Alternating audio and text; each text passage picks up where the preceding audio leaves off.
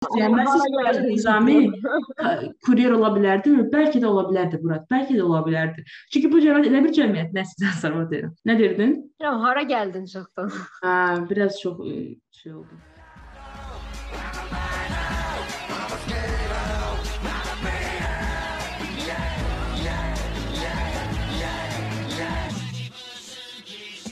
Salam əziz Atasan Prometeyi dinləyənlər.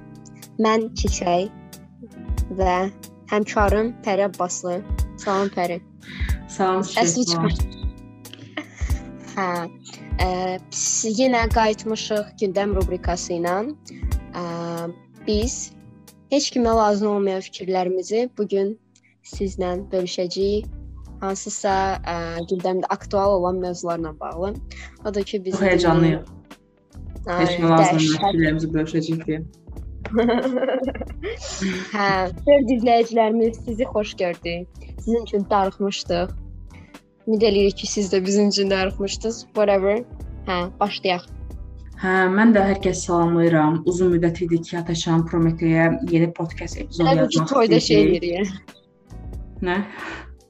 Elə bir toyda şey eləyirik. hə, ya təzə epizod yazmaq istirdik, amma təəssüf olsun ki, ya mövzu qıtlığı yaşayırdıq, ya da ki bir araya gəlib nəsə bir şey eləyə bilmirdik. Amma nəhayət ki sizinlə bir yerdəyik. Buna görə çox necə deyim, şadıq da, yəni Taşıdan Prometeya çünki bizim üçün doğrudan ə, maraqlı bir necə deyim, layihədə də, yəni bizim üçün çox önəm daşıyır. Nəyisə. Mövzuya keçid eləyəsi, eləyəsi olsaq, bilirik ki, son zamanlar Elvenino kitab mağazasında nə? Deyəsən keçid eləsə olsaq, deyirəm olaq.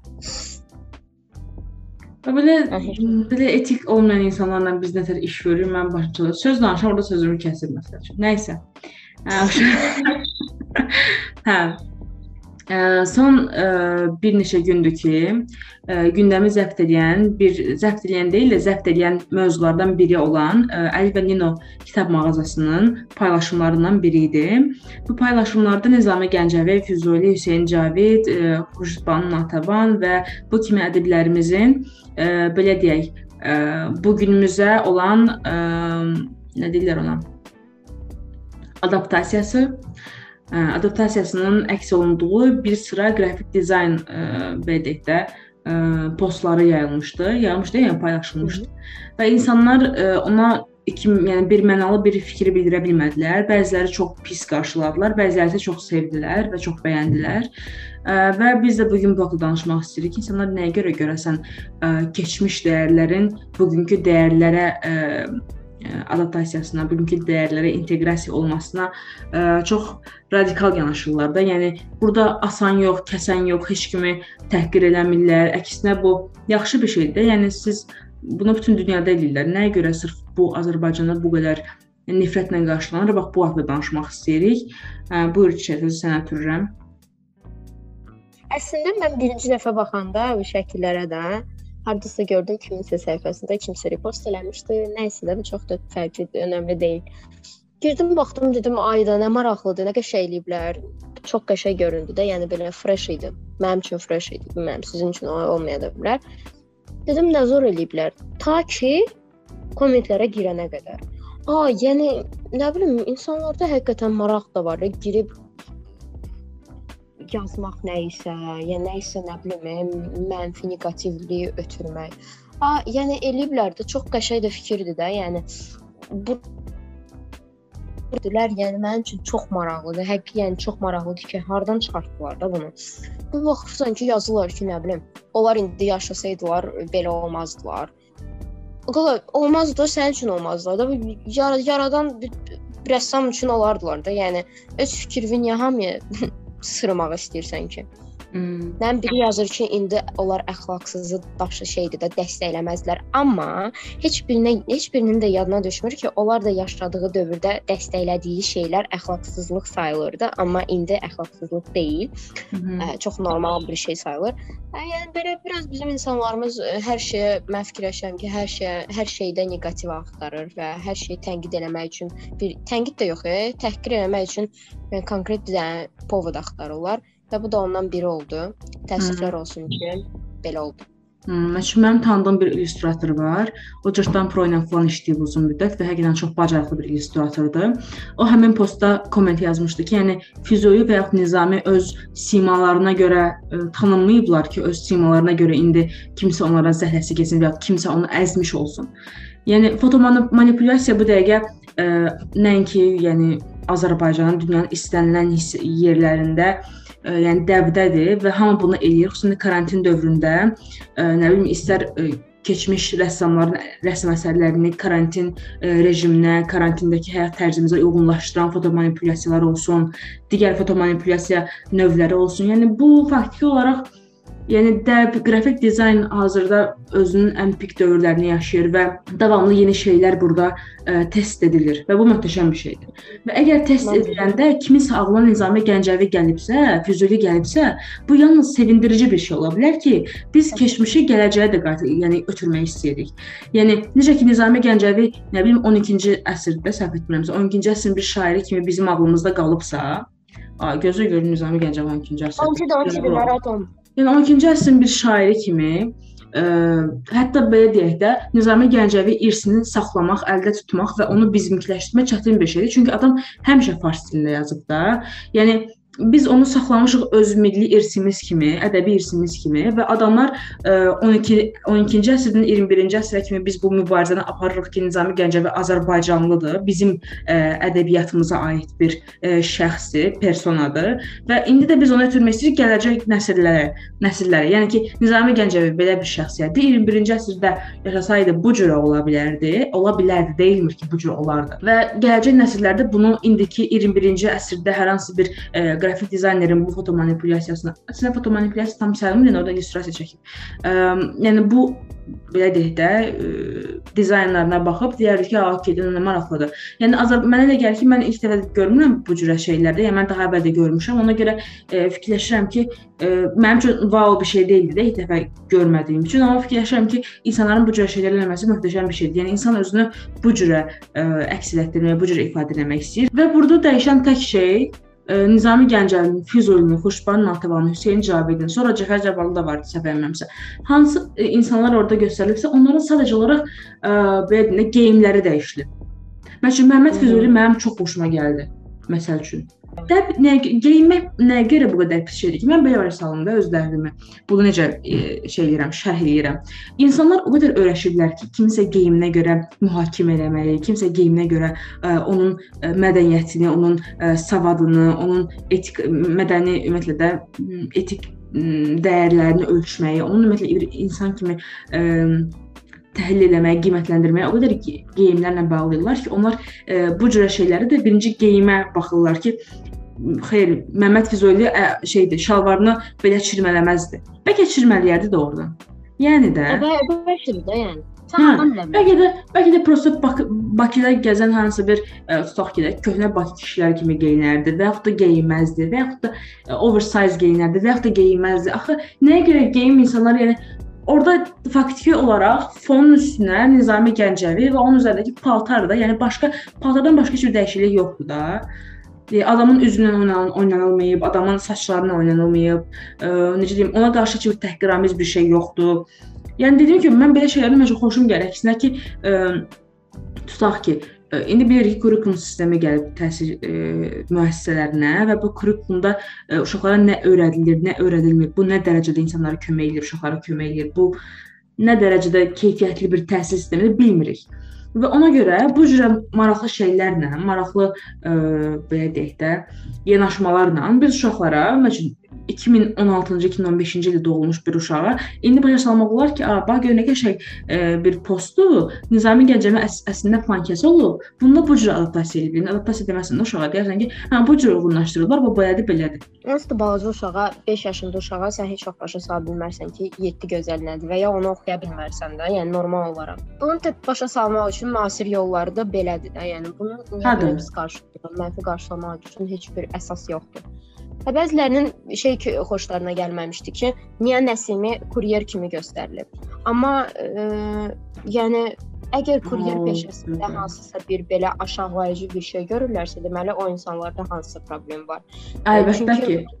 Çünki mən 100% əminəm ki, əgər ə, Nəsimi və yaxud da ki, orada illüstrasiyada yer alan istənilən bir ə, persona heç biri nə kuryer işinə, yəni nə bilim digər ə, serving sahəsində olan insanlara bu cür yəni mənfi bir şey davranmazdı və özlərinə heç bir problem görməzdi ki, mən insan xalq onlar yəni öz vaxtlarında da xalq üçün xidmət ediblər və indi də yəni ə, insanlar üçün xidmət etməyə məncə hər zaman hazır olarlar.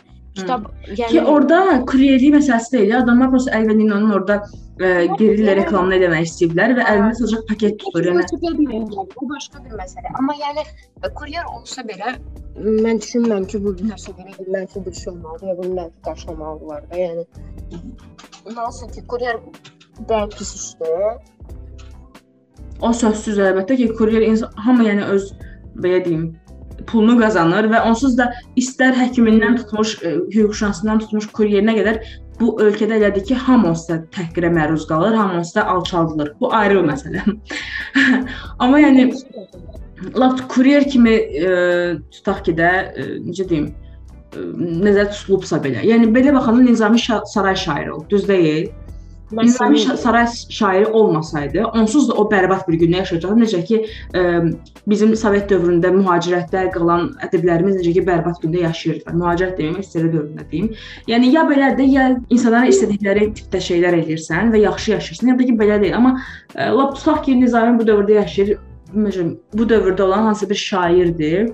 Ə, çox gözəl gözəl misraları, çox gözəl ə, yaradıcılığı var. Amma lazımi diqqəti görmür və kuryer olur. Bu real bir şey ola bilər uşaqlar.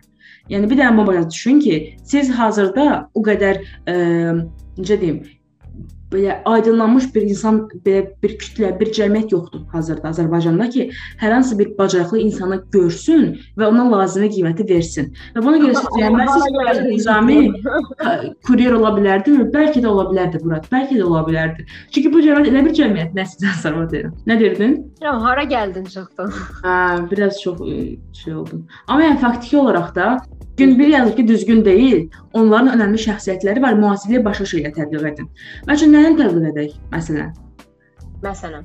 Məsələn də, yəni təklif verin, okeydir, fikirləşsinlər. Əlbəttə, kitab mağazası bəlkə fikirləşib sizə ə, təklifinizə ə, qiymət verəcəklər və hətta sizə məsələn pay ayırdılar, faiz ayırdılar həmin təklifin həyata keçirilməsinə məsələn. Yenilik nə? Məsələn, kimsə götürüb ə, Füzulini əsərini tutaq ki də tamamilə adını falan dəyişdirib, adını dəyişdirib deyil, deməyin də ə, dilini sadələşdirib tutaq ki, Leyli və Məcnunu, Füzulinin Leyli və Məcnununu tamamilə sadələşdirib kitab halında çıxarsa ki, buyurun, kim ki oxuya bilmir fars dilində ya da ki ə, öz dilində yazılıb, yazılıb ya da bilmirəm. Ə, kim oxuya bilmirsə Füzulinin orijinal Leyli və Məcnununu, buyurun buradan oxuyur. Ona da bir mız qoyacaqsınız ki, niyə dəyişdirirsiniz? Yəni əsas məsələ budur ki, onsuz da yəni kitab oxuyansan, oxuyan deyilsən, e, Füzulinin, Aynəbin Şirvaninin, Xoşbanın Natavanın yaradıcılığına maraqlanırsan, maraqlanmırsan, fərq eləmir. İnsanlar prosta deyirlər ki, nə edim ay Allah, mən də fikrimi bildirim, çünki mənim fikrim çox əhəmiylidir. Hə, bax biri yazıb ki, ruh şad olsun, e, böyük usta Mirzə Sabiri yaşasaydı nə e, elektrikli skuterinin də ki, ondan o paketləri alacaq qədər imkanı, maddi imkanı olmazdı. Əlvəlinonun son zamanlarda, e, son 1-2-3 ayda e, paylaşdıqlarını o qədər çox bəyənmirəm ki, gah qadın paltarları paylaşdılar, gah idman malları paylaşdılar, gah e, gərəksizdir, yəni biznesə çevirdilər, amma kitab biznesindən çıxdılar. İndi də təzədən insanların nəyə xoşuna gələcəyini çox yaxşı bilirlər deyə bu yollara əl atırlar. Çünki mən bu postu görən kimi dedim ki, bu ilk dəfə deyildi ki, mən bu cür postları görürəm. Azərbaycanda buna ilə çox dizayner olub. Və o bu yəni təkrarlanmış bir ideyadır da. Ona görə mən baxanda wow demədim, amma insanların bu qədər e, fikir mənfi fikir bildirməsi məncə mənim əsəbimi pozdu, amma Əli və Ninanın bunu paylaşması daha çox əsəbimi pozdu. Çünki birinci dizaynerin adını qeyd edəməyiblər. Öz dizaynerləri deyil, heç fərq eləməz. Bu Məncə bir də yaxşı bir şey deyil. Video dizayneri indi necə yıxıb sürüyərdilər. Sürsünlər nə fərqi var? Zaten onu sevənlər də olacaq. 11 min like gəlib bu posta.